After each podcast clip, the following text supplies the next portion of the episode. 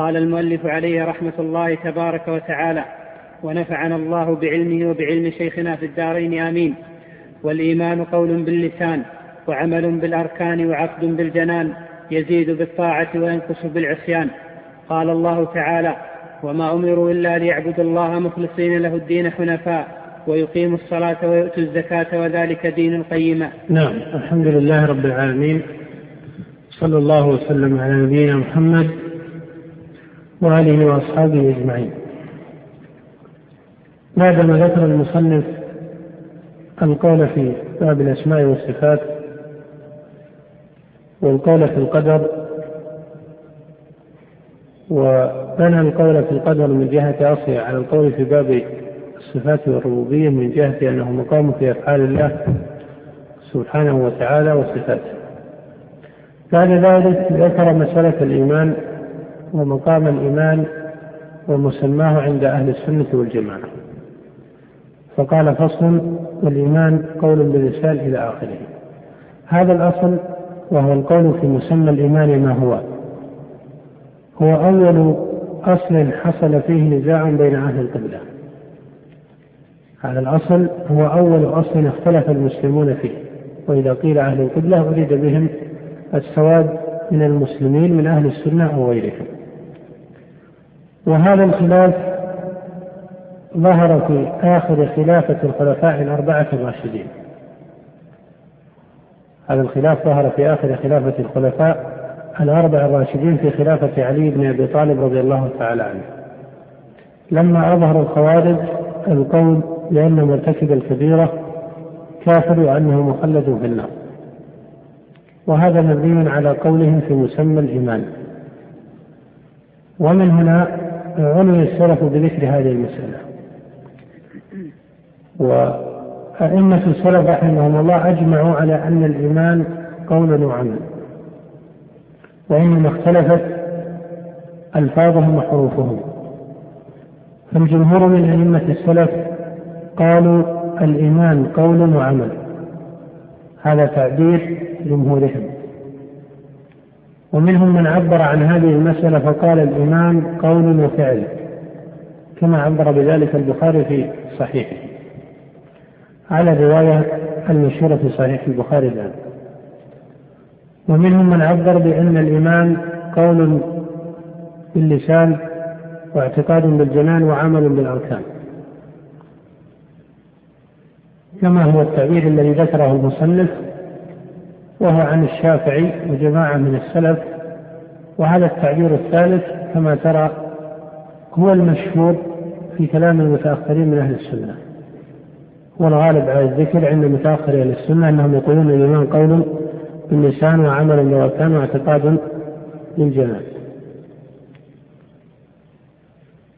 ومن التعابير السلفية أيضا ما ذكره بعض عباد السلف والساكن كسهل بن عبد الله التستري أنه قال الإيمان قول وعمل ونية واتباع للسنة وفي هذا التعريف أو في هذه التسمية إضافة واتباع للسنة هذه الجمل السلفية وغيرها مما عبر به السلف عن مسمى الإيمان الخلاف بينها.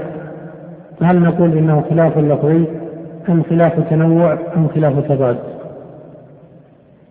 أيها الأول أحسنت أنه خلاف لفظي. لأن الخلاف اللفظي هو اتفاق المعاني على التمام. تكون المعاني من جهة مراد أصحاب الألفاظ معان واحدة لا فرق بينها. ولا اختصاص لواحد منها عن الآخر. هذا هو الخلاف اللفظي. أما خلاف التنوع فلا. تكون المعاني يصدق بعضها بعضا ولكن بينها اختصاص كأسماء الله سبحانه وتعالى فهي متعددة أليس كذلك؟ السميع البصير العزيز الحكيم هل التعدد هذا تعدد لفظي محض أم أنه تنوع؟ تنوع لأن كل اسم يختص بمعنى لم يذكر في الآخر بنفس الدرجة وإن كان قد يكون لازما في الاسم الآخر وهل مجرد فإذا جمل السلف هذه تقول إن خلافها أو الاختلاف بينها اختلاف لفظي محض فإذا قيل أي هذه الجمل أجمع وأحكم من جهة التعبير قيل أحكمها ما عبر به جمهورهم وهو قولهم الإيمان قول وإيش؟ وعمل. الإيمان قول وعمل. هذه الجملة أحكم من التعبير الذي ذكره جماعة وذكره المصنف هنا وهو الشائع عند متأخر أهل السنة أنه قول باللسان وعمل بالأركان واعتقاد بالجنان. لماذا نقول إن الجملة الأولى أحكم؟ لأن هذه الجملة فيها إبانة لتضمن العمل للظاهر والباطن والقول للظاهر والباطن كما أن فيها إشارة إلى التلازم بين الظاهر والباطن. فإن الجملة التي ذكرها المصنف هي صحيحة لكن قد يتبادر حين يقال قول باللسان. وإيش؟ وعمل بالأركان. الأركان يراد بها الجوارح. أليس هذا يشعر بأن الأعمال الإيمانية هي أعمال الجوارح؟ حين يقال قول باللسان وعمل بالأركان واعتقاد بالجنان. هذا كأنه يفهم منه أن الجنان ليس فيه إلا الذي هو القلب ليس فيه إلا إيش؟ إلا الاعتقاد. وأن الأعمال هي أعمال الجوارح وهي أعمال الأركان. مع أنك تعلم أن الأعمال القلبية في الجملة أجل وأعظم من الأعمال الجوارحية الظاهرة أعمال الأركان. هذا المراد هل هو مقصود في كلام المتكلمين به من السلف أنهم لا يقصدون دخول أعمال القلب في الإيمان؟ لا لم يقصدوا ذلك. هم قصدوا أن أعمال القلب داخلة في الإيمان لكن التعبير فيه فيه اختصار. ولذلك نقول إن التعبير الذي يقول الإيمان قول وعمل هذا أتم وأحكم وهو الذي عبر به جمهور من السلف قد يقول قائل إن هذا التعبير ليس فيه ذكر للاعتقاد نقول لما قال السلف الإيمان قول وعمل أرادوا بالقول ماذا؟ قول القلب وقول اللسان وأرادوا بالعمل عمل القلب وعمل الجوارح ما هو قول القلب؟ تصديقه. وكل تصديق شرعي أخبر الله أو رسوله صلى الله عليه وسلم به فهو قول القلب إذا قول القلب هو التصديقات. وقول اللسان بين وهو النطق بالشهادتين وغيرها مما يكون باللسان. وعمل القلب هو حركته بهذا التصديق بأعماله المناسبة له. مثل المحبة والخوف والرجاء والإنابة والتوكل وغير ذلك. وعمل الجوارح بين كالصلاة والطواف بالبيت والحج إلى غير ذلك. وعلى هذا يكون مبنى الإيمان على أربع موارد. المورد الأول قول القلب الذي هو تصديقه. الثاني قول اللسان عمل القلب وهو حركة بالتصديق بأعماله المناسبة له. عمل الجوارح وهي ظاهرة. إذا ما الفرق بين قول القلب وبين عمله؟ قول القلب تصديقه. وأما عمل القلب فهو حركته بهذا التصديق أن يتحرك هذا التصديق إلى أعمال قلبية. والأعمال القلبية ثبوتها في النفس من جنس ثبوت الأعمال الظاهرة أليس كذلك؟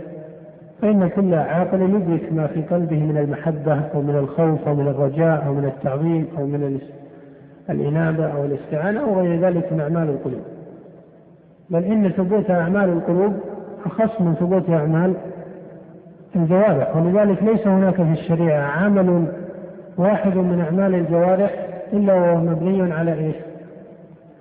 على عمل قلب ولذلك إذا تجرد عمل الجوارح أو عمل ما من أعمال الجوارح الشرعية إذا تجرد عن القلب وعن الاتصال بمقام القلب تصديقا وعملا يصير عملا شرعيا أو ليس شرعيا؟ لا يصير شرعيا. إما أنه يكون نفاقا كالمنافق إذا أظهر الصلاة وليس في قلبه التصديق وقصد العمل القلبي إلى الصلاة وإما أنه قد تكون صورته صورة العمل الشرعي وهو ليس شرعيا كشخص أراد التبرد ففعل ما يفعله للوضوء الآن الإنسان إذا غسل يده ثم وجهه وتمضمض إلى آخره نقول فعل بعض الوضوء أليس كذلك؟ هل من شرع بذلك نية التبرد نقول فعل بعض العبادة؟ حتى لو استتم ذلك المغتسل إذا اغتسل عن الجنابة أو لغسل الجمعة أو نحو ذلك مما شرع الغسل له كدخول مكة إذا اغتسل على قصد التقرب قيل غسله عبادة مشروعة.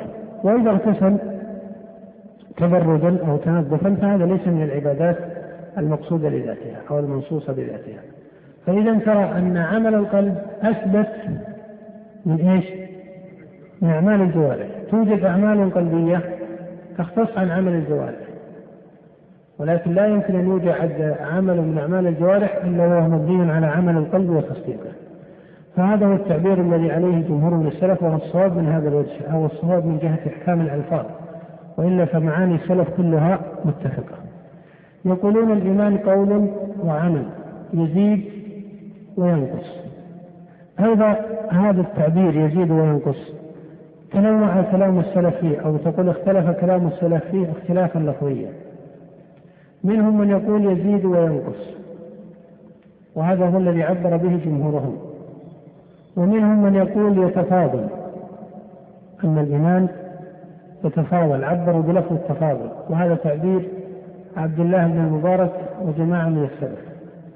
ومنهم من يقول إنه يزيد ويسكت عن لفظ النقصان. وهذا جواب مروي عن مالك أو تقول بعبارة أتم هو أحد أجوبة مالك. وإلا فعن مالك جواب بالتصريح بلفظ الزيادة والنقصان. في جواب مالك هذا تنبيه طائفة من المالكية وبعض من تكلم عن مذهب مالك في الإيمان. من المرجئة وبعض أهل السنة المتأخرين ولا سيما الشراح.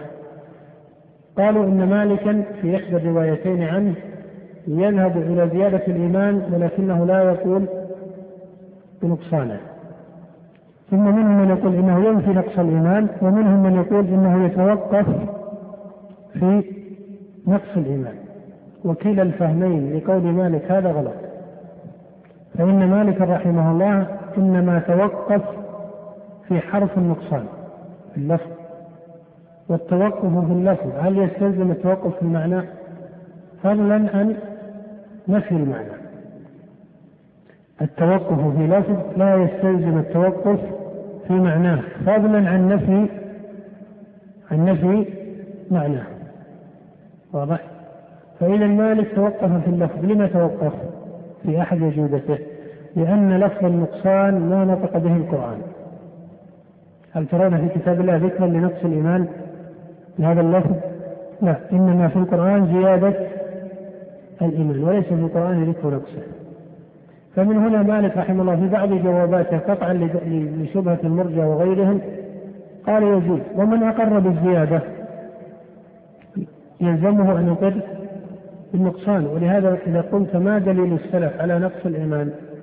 قيل الأدلة على زيادته ولهذا لما قيل الإمام أحمد الإيمان يزيد وينقص قال نعم. قيل أين هو في كتاب الله؟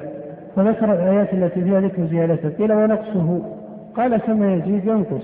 إذا سلم بزيادته لزم ضرورة عقلية أنه ينقص. فهذا من فقه مالك رحمه الله وهذا من فقه المقامات أنه أجاب في مقام بما استدعى إليه في فقه المسألة. فالقصد أن من زعم أن مالكا يتوقف في نقص الإيمان أو ينفي نقص الإيمان في رواية من الروايات فهذا غلط عليه والصواب أنه توقف في حرف في رواية ما. إذا هذا تعبير. من التعبيرات وهي الشائعة عند المتأخرين يقولون يزيد بالطاعة وينقص بالمعصية. هذا التعبير في الغالب أنه يرتبط بالتعبير الذي يقول الإيمان قول باللسان وعمل بالأركان إلى آخره. أي هذه التعبيرات أتم من يقول يزيد وينقص أو من يقول يتفاضل أو من يقول يزيد بالطاعة وينقص بالمعصية. أتمها من يقول يزيد وينقص.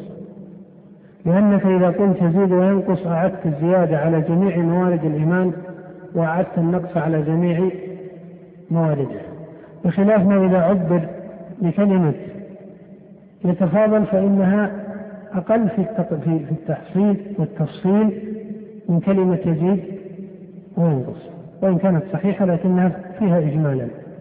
وكلمة يزيد بالطاعة وينقص بالمعصية هذه صحيحة لكن أحيانا يتبادر منها أن زيادة الإيمان ونقصه متعلق بأعمال الجوارح وهذا ليس بصحيح. بل الإيمان يزيد في سائر موارده وإن كانت الطاعة يقصد بها الطاعة الظاهرة والطاعة الباطنة لكن الناس في الغالب يتبادر عندهم. والنبي وعلي بن أبي طالب يقول حدثوا الناس بما يعرفون.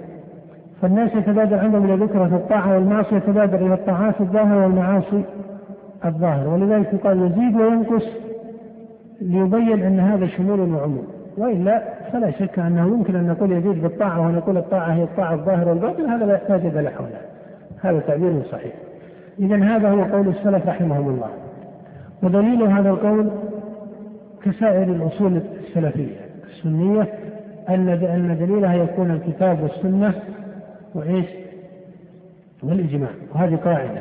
ليس هناك أصل واحد من أصول السلف إلا ودليله الكتاب والسنة والاجماع أما الأقوال المخالفة لقول السلف فهي تنقسم إلى قسمين. القول الأول هو قول الوعيدية من الخوارج والمعتزلة ومن يشاركهم في هذا القول من بعض طوائف الشيعة الذين تأثروا بقول المعتزلة وذهبوا إلى طريقتهم من الزيدية. هؤلاء يقولون إن الإيمان قول وعمل ولكنه عندهم لا يزيد ولا ينقص. فمن ترك واجبا من واجبات الإيمان فقد عدم الإيمان. وإذا عدم الإيمان يسمونه إما كافرا كما تقول الخوارج وإما فاسقا. قد عدم الإيمان وأخذ منزلة الفسق المطلق كما هي طريقة المعتزلة. إذا هذا القول وهو قول الوعيدية من أهل البدع الذين يقولون إن الإيمان قول وعمل لكنهم يقولون لا يزيد ولا ينقص بل من ترك واجبا أو فعل كبيرة فقد عدم الإيمان. وهذا لا شك أنه قول ولاة المسلمين وهم الخوارج الذين أخبر النبي صلى الله عليه وسلم بشأنهم وقولهم بدعة وضلالة وخروج عن السنة والهدي. قابل هذا القول ما يسمى بقول المرجئة. إذا قيل المرجئة هل هم قول واحد من طائفة واحدة؟ كلا. إنما الإرجاء هو مسلك آه، في الإيمان ولهذا كل من سلك مادة هذا المسلك سمي من المرجئة. والحسن الأشعري في مقالات الإسلاميين يقول إن المرجئة ثنتا عشرة طائفة. إن المرجئة ثنتا عشرة طائفة. منهم الغلاة ومنهم دون ذلك. غلاة المرجئة هم الجهمية كجهم بن صفوان وغيره الذين يقولون إن الإيمان هو العلم والمعرفة. وأخف المرجئة إرجاعا هم من يسمون بمرجئة الفقهاء. ما يتعلق بقول المعتزلة والخوارج وهو قول الوعيدي هذا بدعة بالإجماع وضلال وخروج عن السنة بالإجماع. الجمهور أقوال المرجئة أيضا هي من أقوال أهل البدع والضلال وليست معروفة عن أحد من أهل السنة والجماعة أو من عرف بالسنة والجماعة. إنما القول الذي أشكل هو ما يسمى بقول من مرجئة الفقهاء. إذا بقية الأقوال في الإيمان كلها بدع وضلال وأصحابها ليسوا من العارفين بالسنة ولا من أهلها وإنما هم من أئمة البدعة والضلالة. باستثناء القول الذي يوصف بأنه قول مرجئة الفقهاء. هذا هو القول الذي نحتاج أن نقف معه. أما ما عداه فهو من أقوال أهل البدع وأئمة الضلال لا ينبغي أن يلتفت إلى شأنه ولا إلى شأن أصحابه. ما هو قول مرجئة الفقهاء؟ وما يراد ومن يراد بمرجئة الفقهاء؟ مرجئة الفقهاء هم قوم من علماء السنة والجماعة من أهل الكوفة. كانوا على عناية بالفقه أكثر من عنايتهم بالحديث والأثر. لما صاحب حال الكوفة في ذلك الزمان من اشتهار الفقه ليس بقدر اشتهار الرواية. وكانت الرواية في بعض الأمصار العراقية والشامية والحجازية أكثر مما وقع لأهل الكوفة. لهذا غلب على أئمة الكوفة القياس والفقه والرأي. المقصود أن جمعا أو طائفة من علماء الكوفة السلفيين أي من علماء السنة والجماعة لم يكونوا من أئمة البدعة والضلالة غلطوا في هذه المسألة وقالوا الإيمان قول باللسان واعتقاد بالقلب وأعمال الجوارح لا تسمى إيش؟ إيمانا إذا غلطهم تحصل في أنهم لا يدخلون أعمال الجوارح في مسمى الإيمان. ولهم نتائج أخرى في قولهم لكن هذا هو أخص ما ذهبوا إليه وأضبط ما ذهبوا إليه. من الذي بدع هذا القول؟ بدع هذا القول حماد بن أبي سليمان. حماد بن أبي سليمان هذا من كبار فقهاء الكوفة ومن علماء السنة والجماعة. ولكنه غلط في هذه المسألة وقال هذا القول وخالف سلفه من السلف بل وخالف شيوخ الكوفة من قبله. وخالف شيخه شيخ الكوفة إبراهيم النخعي. إبراهيم النخعي هذا هو شيخ حماد بن أبي سليمان. وكان النخعي رحمه الله شديدا على الإرجاء والمرجئة. فلما جاء حماد بن أبي سليمان خالف شيخه. وتبع حماد جماعة من الكوفيين. ولكن أشهر من تقلد هذا المذهب بعد حماد بن أبي سليمان هو الفقيه الكوفي الإمام أبو حنيفة النعمان صاحب المذهب الفقه المعروف. فبتقلد أبي حنيفة لقول حماد اشتهر هذا القول كثرة أصحاب أبي حنيفة وشيوعهم فيما بعد. فهذا هو القول الذي يراد به أنه قول مرجئة الفقهاء وهو إخراج الأعمال الظاهرة عن مسمى الإيمان ويجعلونها برا وتقوى وطاعة إلى غير ذلك. ولكن يسمونها إسلاما لكنه لا يجعلونها داخلة في مسمى الإيمان ويحتجون ببعض الدلائل التي يأتي التنبيه إليها. كقول الله تعالى إن الذين آمنوا وعملوا الصالحات قالوا إن الله فرق بين الإيمان وبين العمل. إلى نحو ذلك من استدلالاتهم. هؤلاء هل كانوا يبنون قولهم على طريقة أهل البدع واستدلالات أهل البدع كاستدلالات المتكلمين بعلم الكلام أو استدلالات الخوارج بمجمل القرآن وإعراضهم عن السنة والطعن في رواية الصحابة؟ هل كان منهج الاستدلال عندهم منهجا بدعيا؟ الجواب لا. ما كانوا يطعنون في أحاديث الصحابة كما تطعن الخوارج. ما كانوا يستدلون بعلم الكلام كما يستدل به مرجئة أو المرجع الغالية كجهم بن صفوان وأمثاله. كان استدلالهم من جنس استدلال السلف. هل عرفوا ببدعة أخرى؟ هل حماد بن أبي سليمان عرف ببدع أخرى؟ الجواب لا. هل كان أئمة السنة والجماعة في زمنه يعدونه من علماء السنة أو من علماء البدعة؟ يعدونه من علماء السنة. كل هذا لا بد من إدراكه. ثم هل قوله هذا يسمى اجتهادا غلطا مما يسوغ فيه الاجتهاد أم أنه بدعة مخالفة للإجماع أيهما الثاني بدعة مخالفة للإجماع ولهذا إذا قرأت في كلام شيخ الإسلام ابن تيمية ترى له سياقات مرة يقول والجمهور من السلف يقولون الإيمان قول وعمل. وخالف في ذلك حماد بن أبي سليمان ومن وافقه من فقهاء الكوفة. ماذا تفهم من هذا التعبير. يقول لك الجمهور من السلف أن الإيمان قول وعمل. وخالف في ذلك حماد بن أبي سليمان ومن وافقه من فقهاء الكوفة. قد يتبادر إلى الذهن أن الكلمة التي سبقت في مذهب أهل السنة أن الإيمان قول وعمل إجماع أو هو قول الجمهور. بهذا السياق عند ابن تيمية. قد يفهم البعض أنها قول الجمهور لأنه يقول والجمهور من السلف يقولون الإيمان قول وعمل. وتجد شيخ الإسلام ابن تيمية سياق آخر أو سياق آخر يقول فيه وقد أجمع السلف على أن الإيمان قول وعمل وحكى هذا الإجماع غير واحد كوكيع وعبد الرحمن بن مهدي والإمام أحمد والشافعي إلى آخره. هل بين سياقي كلام شيخ الإسلام شيء من التعارض؟ الجواب لا. إذا أردنا تقرير دليل السلف على قولهم، ما هو قولهم؟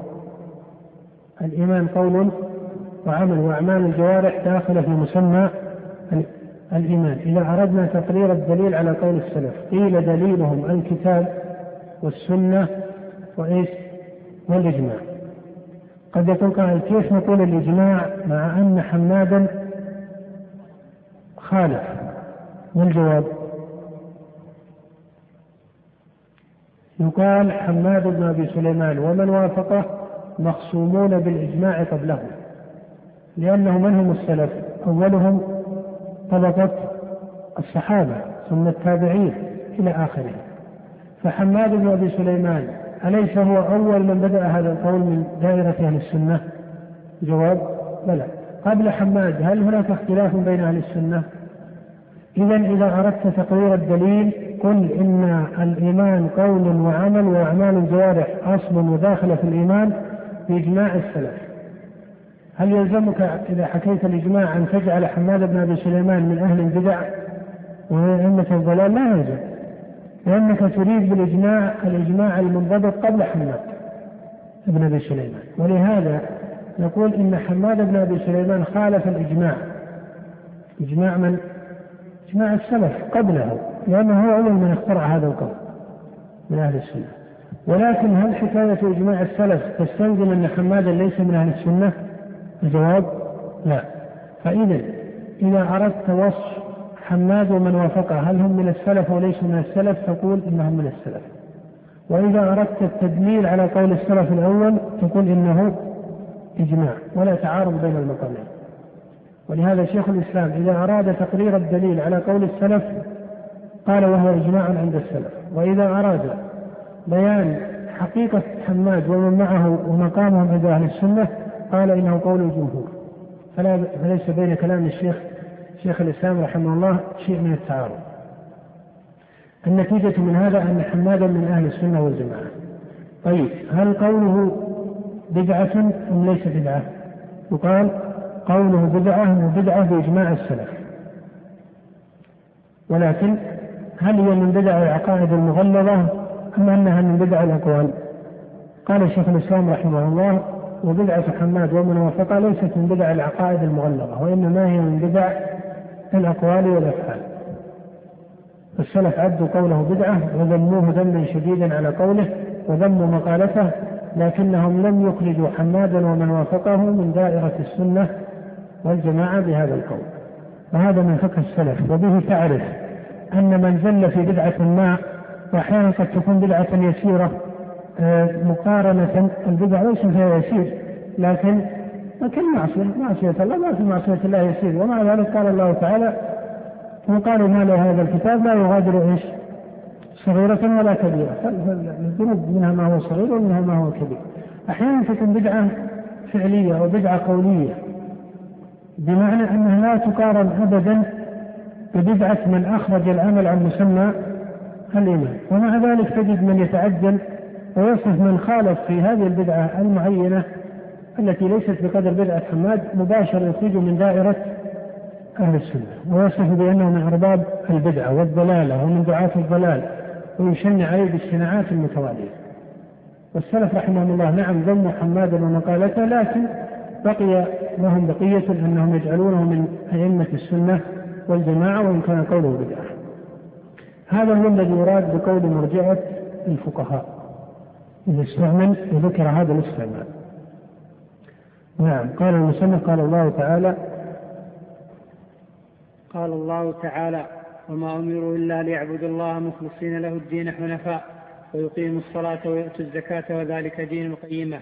فجعل عبادة الله وإخلاص القلب وإقام الصلاة وإيتاء الزكاة كله من الدين. وقال نعم. رسول الله قد يقول قائل أن الآية ليس فيها ذكر الإيمان وإنما فيها ذكر لاسم الدين قيل هذه الآية كثر استدلال السلف بها على مسمى الإيمان وذلك من جهة أن الدين إذا أطلق يراد به ماذا؟ الإيمان. ومن الممتنع أن يكون الدين تمامه ليس بتمام الإيمان. وهذه الآية إنما ذكروها لأن فيها ذكرا لإخلاص القلب وفيها ذكرا للأعمال الظاهرة والباطنة. ومن هنا يقال إن استدلال السلف رحمهم الله في سائر مسائل أصول الدين وفي هذا الأصل بوجه متبين هو من باب التنوع في الاستدلال من باب التنوع في الاستدلال ولهذا ذكر الإيمان ذكر اسم الإيمان في الكتاب والسنة هل هو ذكر واحد أم متعدد؟ من جهة السياقات ومرادات المعاني ذكر متعدد. قال شيخ الإسلام رحمه الله الاسم الواحد يثبت وينفى بحسب السياق المقارن له. قال والإيمان استعمل مطلقا واستعمل مقيدا. مثلا قال الله تعالى قد أفلح المؤمنون ما الذي بعد هذه الآية؟ بعدها أوصاف ظاهرة وباطنة. أليس كذلك؟ هذا هو وصف المؤمنين في هذه في هذا السياق من القرآن. وصف المؤمنين في قوله تعالى إنما المؤمنون الذين إذا ذكر الله وجلت قلوبهم. هذا عمل القلب. وإذا تليت عليهم آياته زادتهم إيمانا أي تصديقا وهذا تصديق القلب. وزادتهم إيمانا في أعمالهم أيضا. قال وعلى ربهم يتوكلون. وهذا في القلب. الذين يقيمون الصلاة وهذه أعمال الجوارح. إذا ترى سياقات في كتاب الله يذكر الله فيها الإيمان ويدخل فيه الأعمال الظاهرة والباطنة والأقوال الظاهرة والباطنة. هذا الإيمان المطلق في كتاب الله. وهو الإيمان الواجب وهو الإيمان التام. وأحيانا يذكر اسم الإيمان في كتاب الله على ما هو دون ذلك على التصديق اللازم للدخول في الدين. وإن كان صاحبه مقصرا في الزكاة أو مقصرا في الصلاة أو مقصرا في كثير من الواجبات. ومع ذلك يذكر هذا الاسم. في قول الله تعالى في كفارة القتل فتحرير رقبة مؤمنة. هل يراد بالرقبة المؤمنة هنا؟ هل يراد بالإيمان؟ الإيمان الذي ذكره الله في أول سورة المؤمنون أنه لا بد أن يكون خاشعا معرضا عن الجهل إلى آخره؟ الجواب لا. أرأيتم لو كان المعتق فاسقا؟ يصح عتقه ولا لا يصح؟ يصح بالإجماع بإجماع السلف أن عتق الفاسق صحيح مع أن الله يقول فتحرير رقبة مؤمنة ماذا يراد بمؤمنة هنا؟ أي محققة لأصل الإيمان وإن كانت قد تكون مقصرة في واجباته التي لا تخالف أصله أو لا تسقط أصله واجباته التي لا تسقط أصل الإيمان النبي صلى الله عليه وسلم وهذه قاعدة مهمة كما أسلفت في معرفة الأسماء لأن هذا هو باب غلط الغالطين حتى من أهل السنة المتأخرين والمعاصرين في مسائل التكفير وغيرها. أنهم يجدون استعمالا في كتاب الله فيجعلونه إيش؟ مضطردا عاما. مع أن ثمة استعمالات في القرآن قد تعارض هذا الاستعمال في الظاهر. الصواب أنه ليس بين القرآن تعارضا أبدا. ولا يمكن أن يكون ذلك لأن الله يقول فلا يتدبرون القرآن ولو كان من عند غير الله لوجدوا فيه اختلافا كثيرا. فيمتنع أن يكون فيه اختلاف وهو كلامه سبحانه وتعالى. القصد أنك تجد في كلام الله مثل ذلك وتجد ذلك في كلام الرسول صلى الله عليه وسلم. أترون النبي صلى الله عليه وسلم في الصحيحين من حديث سعد بن أبي وقاص قال سعد قسم النبي قسما أي مالا. فقلت يا رسول الله أعط فلانا فإنه مؤمن. ماذا قال النبي عليه الصلاة والسلام؟ قال إيش؟ قال أو مسلم. أقولها ثلاثا ويرددها علي ثلاثا أو مسلم. ثم قال إني لأعطي الرجل وغيره أحب إلي منه مخافة أن يكبه الله في النار هنا النبي منع سعدا أن يسمي هذا الرجل ماذا؟ مؤمنا. مع أن الرجل عنده أصل الإيمان وليس عنده. قطعا عنده وإلا لما زكاه سعد النبي صلى الله عليه وسلم لما جاءه معاوية بن الحكم كما في الصحيح في قصته وأظنها سبق الإشارة إليها. سأل الجارية قال النبي للجارية أين الله؟ قالت في السماء. قال من أنا؟ قالت أنت. رسول الله قال أعتقها فإنها مؤمنة.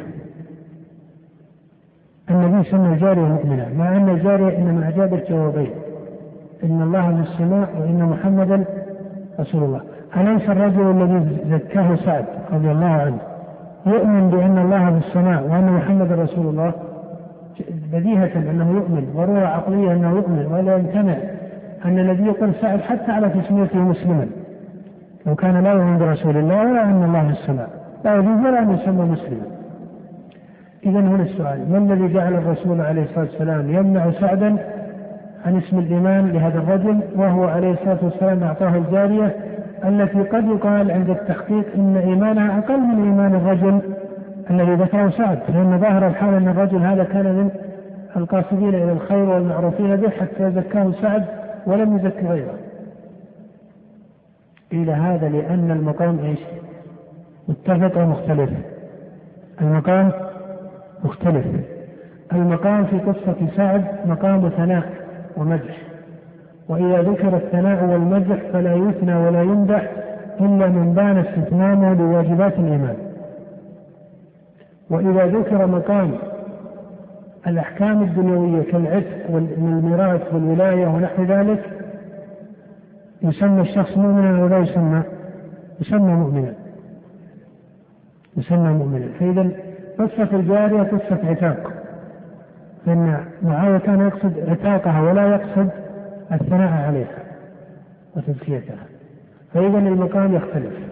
ولهذا تعلم أن كل من كان مسلما حقا فإنه لابد أن يكون مؤمنا. فإن الناس ثلاثة إما مؤمن ظاهرا وباطنا وإما كافر ظاهرا وباطنا وإما المنافق المؤمن في الظاهر والمسلم في الظاهر والكافر في الباطن. الله يقول قالت الأعراب آمنا قل لم تؤمنوا ولكن قولوا أسلمنا. أليس إذا أسلموا حقا؟ لابد أن يكون معهم أصل الإيمان لابد وليس لابد لابد أن يكون معهم أصل الإيمان لأنهم إن عدموا الإيمان كفروا أو لم يكفروا. كفروا. إذا لما قال الله تعالى ولكن قولوا أسلمنا؟ وقال قل لم تؤمنوا. الأعراب قالوا هذا من باب إيش؟ التذكية من باب الثناء والتحقيق والإيمان كتحقيق ليس سهلا ليس كل من قالت من قال الإسلام وصدق بالإسلام يكون محققا للإيمان فإن الدين طبقات ودرجات ولذلك كل واحد من المسلمين مهما كثرت جرائره وكبائره وعظائمه ما دام أن معه أصل التوحيد والإسلام يسمى إيش؟ يسمى مسلما. ويسمى فاسقا لما معه من الفسق. وهل يسمى مؤمنا أو لا يسمى؟ قيل فيه تفصيل. في مقام الدعوة والمخاطبه بالحق وفي مقام أحكام الدنيا كالزواج والمواريث والعتاق ونحوها. يسمى يسمى مؤمنا ولا غضاضة في ذلك لأن معه أصل الإيمان. ومن منع أن يسمى مؤمنا في جميع الأحوال وهذا يقرره بعض متأخر أهل السنة يقولون الفاسق صاحب الكبيرة لا يسمى مؤمنا بحال هذا غلط. يجوز تسميته مؤمنا في مقامات. ألا ترون أن الله يقول في القرآن يا أيها الذين آمنوا كثيرا هذا الخطاب يخاطب به من؟ المحققون أم سائر المسلمين؟ يخاطب به سائر المسلمين من بر وفاجر والله لما ذكر الاصطفاء العام قال ثم أورثنا الكتاب الذين اصطفينا من عبادنا المصطفون منهم قال فمنهم ظالم لنفسه ومنهم مقتصد ومنهم سابق بالخيرات وعليه إذا قيل أصحاب الكبائر أي الأسماء هي الأصل فيهم أولا تحقق لنا أنه يجوز أن يسمى إيش؟ مؤمنا في مقامات كالعتاق ونحو كما سمى النبي الجارية ويمكن لا نقول أن الجارية كانت فاسقة لكن لم يشترط الشارع لها أكثر من أصل الإيمان ولما قال الله فتحرير رقبة مؤمنة وجاز العتق للفاسق بالإجماع دل على أن الإيمان هنا يراد به الأصل إذا الفاسق من المسلمين يجوز أن يسمى مؤمنا في مقامات ويسمى مسلما ويسمى إيش؟ فاسقا. إذا قيل أي هذه الأسماء الثلاثة الممكنة في حقه بحسب المقامات أيها الأصل فيه؟ اسم الفسق أو اسم الإيمان أو اسم الإسلام؟ اسم الإسلام ويغلط من يقول اسم الفسق. هؤلاء العصاة من أهل الكبائر الأصل فيهم أنهم يسمون أنهم مسلمون وهذا هو الغالب على المسلمين وإلا يلزم على هذا أن يفسق جماهير المسلمين لأنه من الذي يسلم من كبيرة من المسلمين. ولذلك إنما سمى الله عباده والذين يتبعون أنبياءه سماهم إيش؟ مسلمين. هو سماكم المسلمين من قبل. فالإسلام هذا هو اسم أتباع الأنبياء عليهم الصلاة والسلام. أهل الكبائر وغير أهل الكبائر. ولكن إذا أريد ذكر كبيرته أو إسقاط ما الشريعة إسقاطه كإسقاط ولاية بعض العصاة قيل هذا سقطت ولايته لكونه فاسقا لأنه لا يتناسب أن تقول سقطت ولايته لكونه مسلما. هذا تضاد في الترتيب. فإذا إذا أريد ذم ما عنده من المعصية أو بيان ما عنده من المعصية بمعنى اقتضت المصلحة والسياق سمي فاسقا. وإذا اقتضت المصلحة والسياق في مقام آخر سمي إيش؟ مؤمنا. وإذا أريد الأصل العام في التسمية قيل الأصل العام في التسمية هو الإسلام. ولذلك ما يتداول البعض كثيرا الفساق الفساق وهذا من الفساق وهذا هو الفاسق لا هذا ليس ليس عدلا وليس انضباطا على السنن والآثار المذكورة في كتاب الله. وأنت لا ترى في كتاب الله ذكر الفسق في الغالب إلا يراد به ماذا؟ الذي يغلب في كتاب الله إذا ذكر الفسق أريد به الكفر. وإن كان أحيانا يستعمل فيما دون ذلك قول إن جاءكم فاسق بنبأ. فإنما سمي فاسقا لأن المقام يستدعيه. ولهذا لو أن شخصا كذب على شخص فأراد الآخر تنزيه نفسه أو تنزيه غيره عن هذا الكذب يقول لمن حدث بهذا الكلام الذي جاءك بهذا الكلام رجل فاسق. هذا مناسب. أما أنه لا يعرف إلا بهذا الاسم هذا ليس بصحيح. هذا ليس بصحيح بل العدل والسنة أنه يسمى مسلما لأن هذا هو الأصل فيه ولأن ما عنده من الحسنات أعظم مما عنده من السيئات قطعا. ما يحتاج إلى بحث وجدل لأن حسنة التوحيد أجل من سائر ما عنده من السيئات والمعاصي. وعليه يكون اسم الإيمان يستعمل في مقام الفسق في مقام والإسلام في مقام هو الأصل فيه. نعم. وقال رسول الله صلى الله عليه وسلم الإيمان بضع وسبعون شعبة أعلاها شهادة أن لا إله إلا الله. وأدناها إماطة الأذى عن الطريق فجعل القول والعمل من الإيمان. وهذا الحديث من أشرف الدلائل عند السلف على مسألة الإيمان. وأصله في الصحيحين وهو بهذا السياق رواه مسلم في صحيحه. قد رواه البخاري مجملا. الإيمان بضع وسبعون وبضع وستون شعبة. ونصره مسلم في هذه الرواية. قال الإيمان بضع وسبعون شعبة فأعلاها قول لا إله إلا الله وأدناها إماطة الأذى. عن الطريق والحياة شعبة من الإيمان من خصائص هذه هذا الحديث مسألتان. المسألة الأولى أن فيه بيانا لكون الإيمان متعلقا بالقلب واللسان وإيش؟ والجوارح. فإنه قال فأعلاها قول لا إله إلا الله. وهذا دليل على أن الإيمان يكون بالقلب خلافا للجمهور المرجئة وفي قوله وأدناها إماطة الأذى عن الطريق. هذا فيه بيان لأن لكون الإيمان يتعلق بأعمال الجوارح والحياء شعبة من الإيمان هذا دليل على أن أعمال القلوب تدخل في مسمى الإيمان. هذه مسألة المسألة الثانية أن فيه بيانا لدخول سائر الأعمال المشروعة في مسمى الإيمان سواء كانت واجبة أو ركنا أو كانت مستحبة. فإن إماطة الأذى عن الطريق ليست من الواجبات في سائر المقامات ومع ذلك جعل الشارع من شعب الإيمان. أيضا من خصائص هذا الحديث أنه يمنع أن أن حرفه أو تقول تعبيره يمنع التأويل فيه. لماذا؟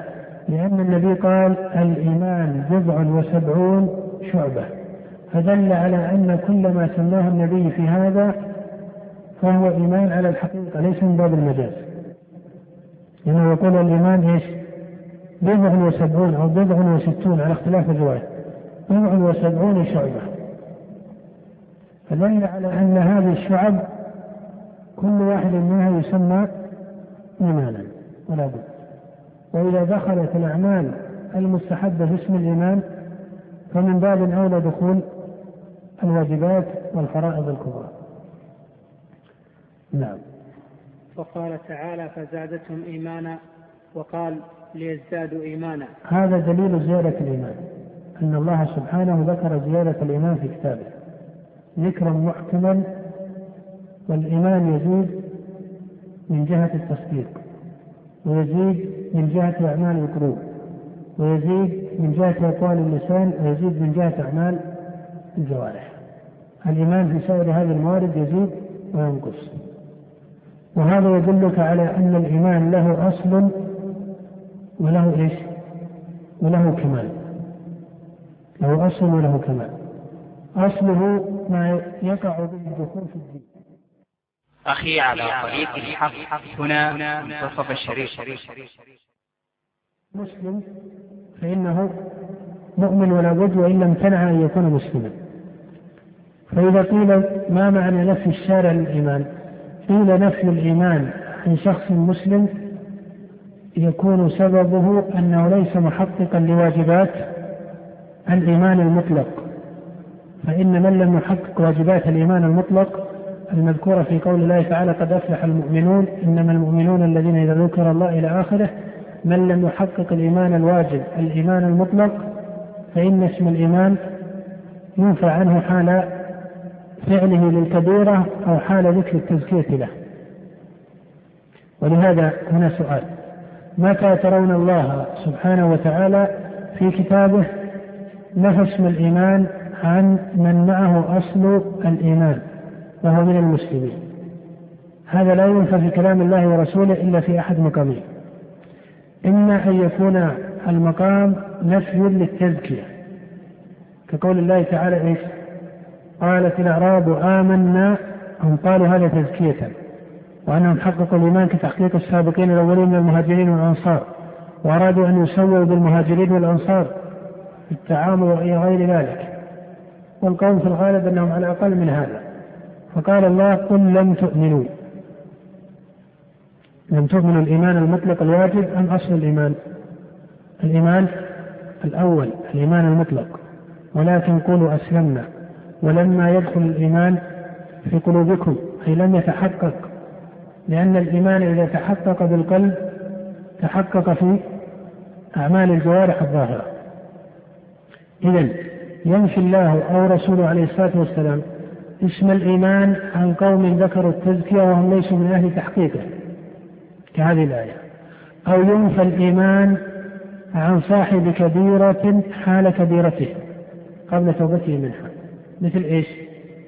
مثل قول النبي صلى الله عليه وسلم في الصحيحين عن أبي هريرة لا يزني الزاني حين يزني وهو مؤمن ولا يسرق السارق حين يسرق وهو مؤمن ولا يشرب الخمر حين يشربها وهو مؤمن ولا ينتهب رهبة ذات شرف يرفع الناس إليه بأبصارهم حين ينتهب وهو مؤمن إذا متى ينفى الإيمان؟ إما في مقام رفع تزكية من ادعى التزكية وإما في مقام فعل الكبيرة لا يزيزان حين يدعوهما هل أراد النبي أنه عدم الإيمان؟ نعم لم ينفي لم يرد عليه الصلاة والسلام أنه أنه تجرد من الإيمان كله. حتى من قال من بعض المتأخرين لا يزني الزاني حين يزني وهو مؤمن أنه عند الزنا يعدم الإيمان. ثم إذا انتهى من الزنا أو من كبيرته أو من سرقته رجع إليه. هذا قول فهموه غلطا من كلام أبي هريرة وابن عباس. وأبو هريرة وابن عباس ما أرادوا ذلك. ما أرادوا أنه حال الزنا يعدم الإيمان. ثم يرجع الإيمان لهذا كجدل عقلي أيضا ممتنع.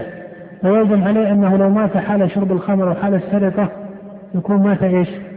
كافرا. ويلزمه أن يكون خرج من الكفر أو من الإسلام إلى الكفر ثم رجع هذا لم يرد أحد من الصحابة وتفسير كلام أبي هريرة به غلط متين.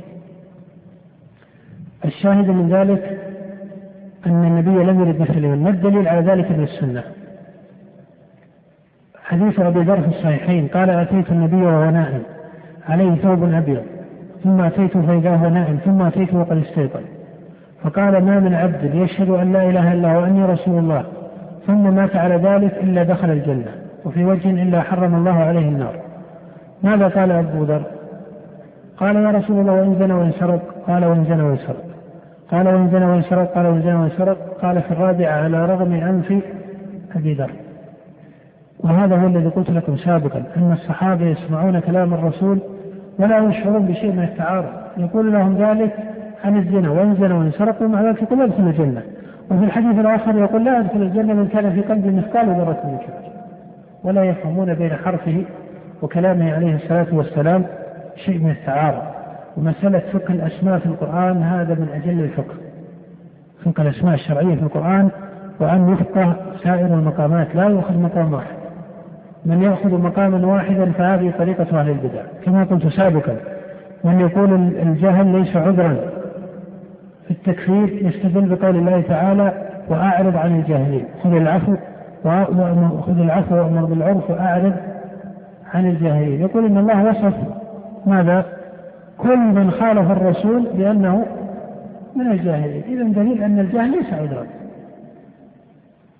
المشكلة هنا أن عقل طالب العلم ولا سيما المبتدئ يجد أن هذا الكلام كلام إيش؟ كلام إيش؟ كلام صريح يقال له مثلا ومن السنة عند السلف وهو في كتاب الله أن الجهل ليس عذرا قال الله تعالى وأعرض عن الجاهلين فسمى سائر من كفر برسوله جاهلا. هذا غلط تماما هذا الفهم غلط في القرآن. لأن الله قال في الموضع الآخر الذين آتيناهم الكتاب إيش؟ يعرفونه كما يعرفون أبنائهم مع أنهم جاهلون. ودخلوا باسم الجاهلين في الآية الأخرى وجحدوا بها واستيقنتها أنفسهم إلى آخره. فإذا لا بد من جمع مقامات القرآن وجمع سياقاته حتى لا يقع تعارض الفهم بين كلام الله أو يؤخذ بعضه ويترك بعضه كما صنعت الخوارج والمرجئة. هؤلاء أخذوا أحاديث الوعيد وآيات الوعيد وهؤلاء على العكس. نعم. وقال رسول الله صلى الله عليه وسلم يخرج من النار من قال لا إله إلا الله وفي قلبه مثقال ذرة أو خردلة أو ذرة من الإيمان فجعله متفاضلا. نعم. فهذا الحديث وهو حديث الشفاعة متواتر. رواية جماعة من الصحابة أنه يخرج من الإيمان يخرج من النار من كان في قلبه مثقال ذرة. عفوا يخرج من النار من كان في قلبه مثقال ذرة من الإيمان. هذا دليل على أن الإيمان له تمام وله أصل وأنه يزيد وينقص وهو دليل على أن سائر أهل الكبائر لا يخلدون في النار وهو دليل على أن سائر أهل الكبائر معهم إيش؟ معهم أصل الإيمان. معهم أصل الإيمان ولا بد. في مسألة الإيمان تعليقان يسيران. مسألة الاستثناء في الإيمان. ماذا يراد بالاستثناء في الإيمان؟ هو قول الرجل هو مؤمن إن شاء الله. هل هذه المسألة أولا من مسائل الأصول عند السلف أم ليست من مسائل الأصول؟ قيل هي في كلام السلف ليست من مسائل الأصول. ولكن بعض أهل البدع تكلم فيها على مبنى أقوالهم البدعية فهنا يقال إن قولهم بدعة. تبعا لذلك. هل السنة الاستثناء في الإيمان؟ بمعنى أن يقول الرجل هو مؤمن إن شاء الله أم السنة أن يقول هو مؤمن ولا يستثني؟ قيل هذا بحسب ماذا؟ بحسب المراد والمقام من قصد إنه مؤمن أي محقق للإيمان فلا بد أن يقول إن شاء الله لأن تحقيق الإيمان لا يجوز لأحد أن يجزم به. أليس كذلك؟ ولا أحد يزكي نفسه انه حقق الإيمان تحقيقا على التمام. وكذلك إذا أريد الخاتمة فإنه يستثنى في الإيمان لأن الإنسان لا يدري بماذا يختم له. فإذا أريدت هذه المرادات فيكون السنة ذكر الاستثناء أو تركه. يكون السنة ذكره.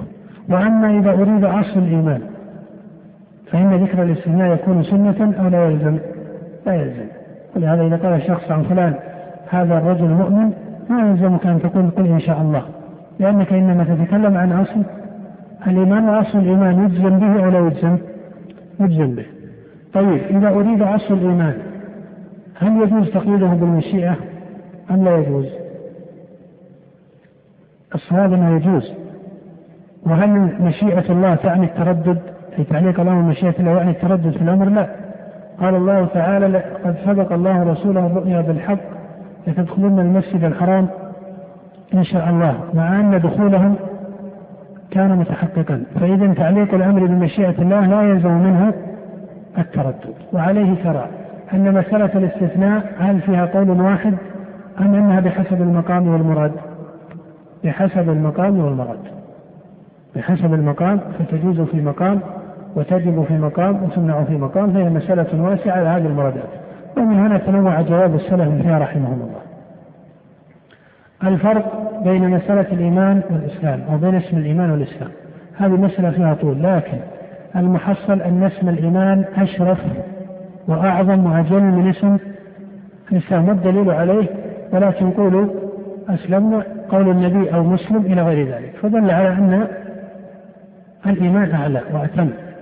ومع ذلك فإن كل مؤمن يكون مسلما وهل كل مسلم يكون مؤمنا.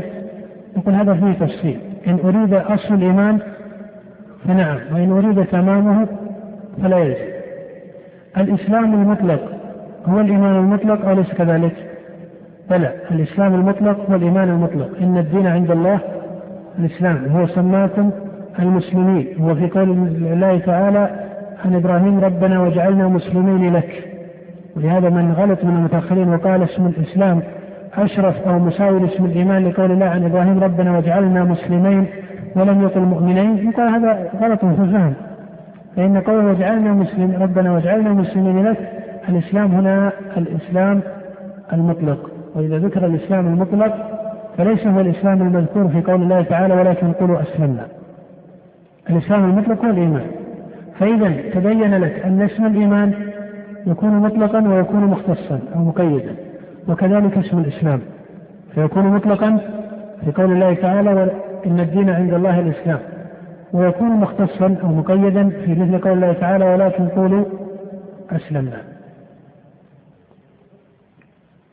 فهذا هو المحصل في هذه المسألة وهو أن هذين الاسمين هما اسمان من أسماء الديانة ولكن اسم الإيمان أتم ولكن اسم الإيمان أتم قال بعض المتأخرين إذا اجتمع افترق وإذا افترق اجتمع هذا ليس بمضطرد هذا ليس بمضطرد وليس بلازم. نعم. والله أعلم. وصلى الله وسلم على نبينا محمد.